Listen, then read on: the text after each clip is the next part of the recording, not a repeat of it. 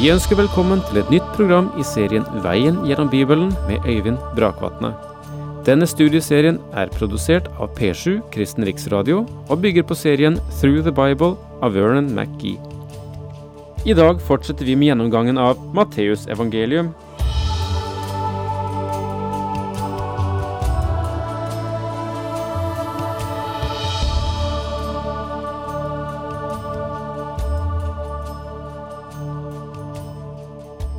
Ja, veien gjennom Bibelen, den synes jeg er interessant. Av og til er det dem som synes den gjør veldige svinger og kroker, og ikke alt er enkelt å forstå. Nei, det er sant. Og det er jo derfor vi har disse timene også, for at vi skal sette hverandre bedre i stand til å skjønne det Skriften sier, og få se tingene fra en ny vinkling, så at vi skal få ny interesse og fornyet glød for det viktigste av alt, nemlig hva Gud har sagt, hva Gud vil, hva Gud ønsker med oss, den enkelte og med vårt folk. Vel, vi er kommet et stykke ut i Matteusevangeliet, og vi begynner i dag på kapittel 11, altså Matteusevangeliet, kapittel 11. Hva er temaet for dette kapittelet? Jo, dette forteller at Jesus fortsetter sin tjeneste blir utspurt av Johannes' disipler, avviser de byene der han har gjort mektige gjerninger, og gir mennesker enda en ny innbydelse. Et veldig vesentlig og viktig kapittel her, ikke minst vil du se dreiningen når vi kommer mot slutten av kapittelet. Bevegelsen i Matteusevangeliet fortsetter i dette kapitlet. Den Herre Jesus har proklamert sin etikk, han har utført undergjerninger, og han har sendt sine disipler ut for å gjøre kjent på hvilket grunnlag han tar imot mennesker og vil herske over verden. Og de har gått på veier og stier inntil de har dekket alle Israels byer. Nå, hvordan blir de mottatt? Hva er reaksjonen på hans Messias krav? La meg si det med ett eneste ord. Avvist. Jesus ble avvist. De vendte ryggen til budskapet. Og dette kapitlet markerer et vendepunkt i Jesu Kristi tjeneste. I versene 28 til 30 vil vi se at han gir et nytt budskap. Merk deg det. Det skiller seg fra budskapet om å vende om i lys av at kongen er iblant dem. Da Jesus hadde sagt det han ville pålegge sine tolv disipler, dro han derfra for å undervise og forkynne rundt om i byene.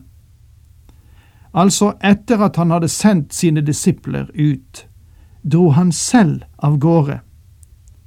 Hvor viktig det var å få Guds ord ut til folket.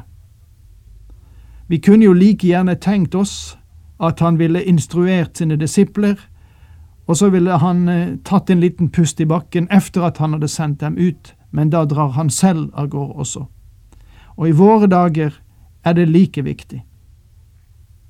Johannes, som satt i fengsel, fikk nå høre om alt det Kristus gjorde. Han sendte bud med disiplene sine. Så tidlig som i Matteus 4 vers 12 sies det at døperen Johannes ble satt i fengsel. Så han har sittet en tid i fengsel nå, men han har blitt informert om hvor den Herre Jesus befinner seg, og hva han foretar seg. Johannes' disipler har holdt øye med Jesus og rapportert til Johannes. Johannes venter hver dag på at fengselsdørene skal åpnes, fordi han tror at Jesus straks vil overta tronen og opprette sitt rike. Er du den som skal komme, eller skal vi vente en annen? Spørsmålet fra Johannes er logisk. Han har all grunn til å tro at kongen ville ha tatt makten ved denne tid. Han er avgjort forvirret over at Herren beveger seg så langsomt mot tronen. Legg nå merke til Herrens svar til Johannes. Jesus svarte, Gå og fortell Johannes hva dere hører og ser. Blinde ser, lamme går, spedalske renses og døve hører, døde står opp, og evangeliet forkynnes for fattige, og salig er den som ikke tar anstøt av meg. Jesus svar er verd å merke seg, og kan bare bli forstått i lys av de tegn som Det gamle testamentet sa ville peke ut Messias. Dette er en direkte henvisning til Jesaja 35, versene 4–6. Si til de urolige hjerter, vær frimodige, vær ikke redde. Se, der er deres Gud. Nå kommer Han for å straffe. Gud vil gjøre gjengjeld. Han kommer selv og frelser dere. Da skal blindes øyne åpnes og døves ører lukkes opp. Da skal den lamme springe som hjorten, og den stumme skal juble med sin tunge. For i ørkenen bryter kilder fram, bekker på de tørre stepper. Et fantastisk ord. Jesus var konge, og han hadde alle tegn på Messias. Johannes ville gjenkjenne disse bevis. I de følgende versene forsvarer Jesus Johannes i tilfelle noen skulle kritisere ham. Etter at de var gått, begynte Jesus å tale til folk om Johannes. Hvorfor dro dere ut i ødemarken for å se et siv som svaier i vinden? Johannes var ikke et siv rystet av vinden. Han var en vind som rystet sivene. I våre dager er prekestolen blitt forsvaket fordi den ofte blir underlagt en eller annen som sitter i benken og som ikke liker presten eller predikanten, eller budskapet blir utformet for å tekkes en viss gruppe i en kirke eller menighet, eller offentlige myndigheter for den saks skyld. Altfor ofte er prekestolen et siv som svaier i vinden. Takk Gud for døperen Johannes, en mann som rystet sivene. Herren fortsetter sin anbefaling av døperen Johannes. Nei, hvorfor gikk dere dit ut? For å se en mann kledd i fine klær? De som bærer fine klær, er på kongenes slott. Døperen Johannes var traust, en høyreist personlighet. Hvorfor gikk dere da ut for å se en profet? Ja, jeg sier dere, mer enn en profet. Han var en profet, men Jesus legger noe til, han sier han er mer enn en profet. Det er om ham nemlig det er skrevet, Se, jeg sender min budbærer foran deg, han skal rydde veien for deg. Herren forkynner klart at Johannes er oppfyllelsen av Malaki kapittel 3 vers 1 som sier, Se, jeg sender min budbærer, han skal rydde veien for meg. Herren som dere søker, kommer brått til sitt tempel. Se, han kommer, paktens engel, som dere stunder etter, sier Herren allherrs Gud. Johannes var budbæreren. Johannes var spesielt utvalgt for å introdusere Messias for Israel. Legg også merke til det som står i Johannes 1, versene 21 til 23. Sannelig, jeg sier dere, blant dem som er født av kvinner, har det ikke stått fram noen større enn døperen Johannes, men selv den minste i himmelriket er større enn ham. Av og til liker vi å debattere spørsmålene om hvem som var den største, Abraham, Moses eller David. Jesus stadfester at Johannes er større enn noen andre i fortiden. Ingen raget opp over døperen Johannes. Men selv den minste i himmelriket er større enn ham. Da Jesus kom, begynte han å kalle ut en gruppe mennesker som er større enn til og med døperen Johannes. Hvordan kan de være større? Fordi de er i Kristus og ikledd Hans rettferdighet. Derfor er de større. Fra døperen Johannes' dager og like til nå blir himmelriket stormet, og de som stormer det, river det til seg. Dette er et vanskelig vers å tolke fordi den makt som blir nevnt, kan enten være av indre eller ytre karakter. Utenfra presser ondskapens krefter på for å ødelegge det. Det er sant. Men også de som er av hjertet innviet, stormer på. Det betyr at de ønsker så inderlig å komme inn. Der er en tone av behov og desperasjon.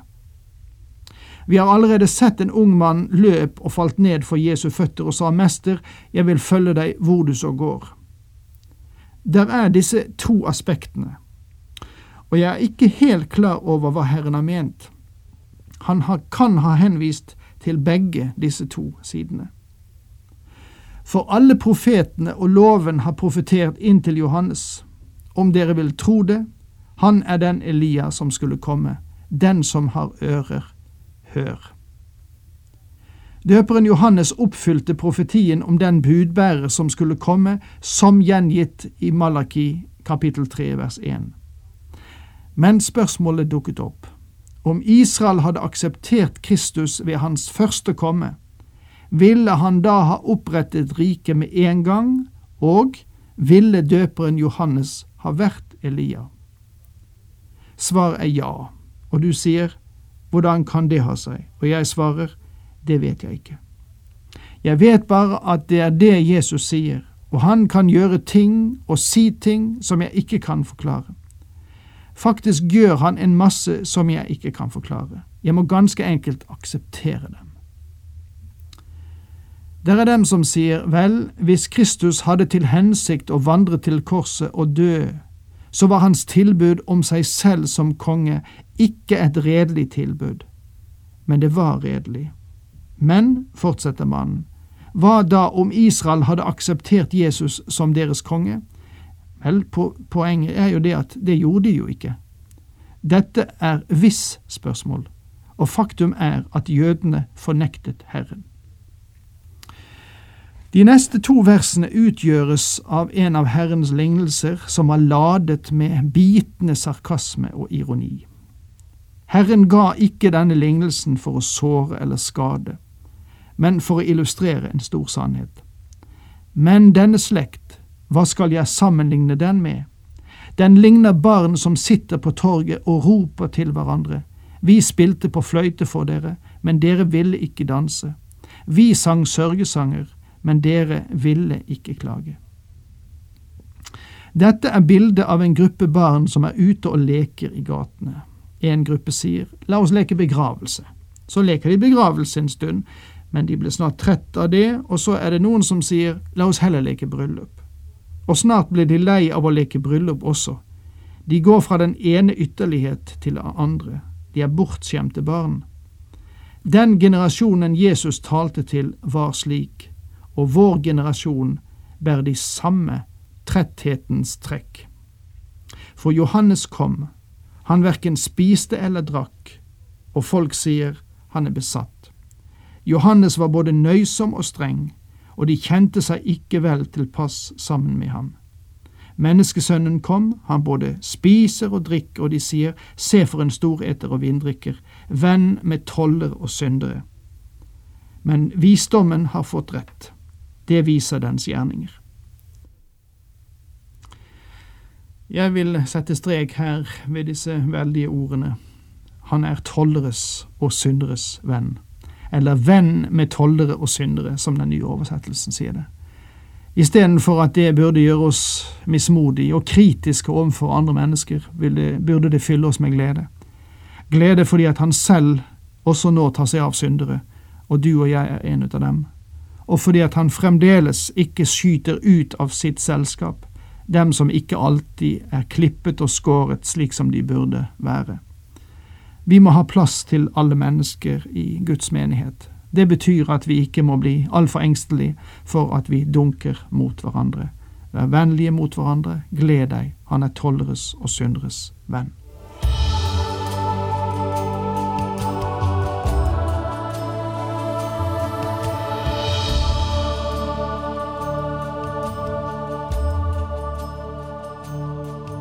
Du hørte Øyvind Brakvatne i studieserien Veien gjennom Bibelen.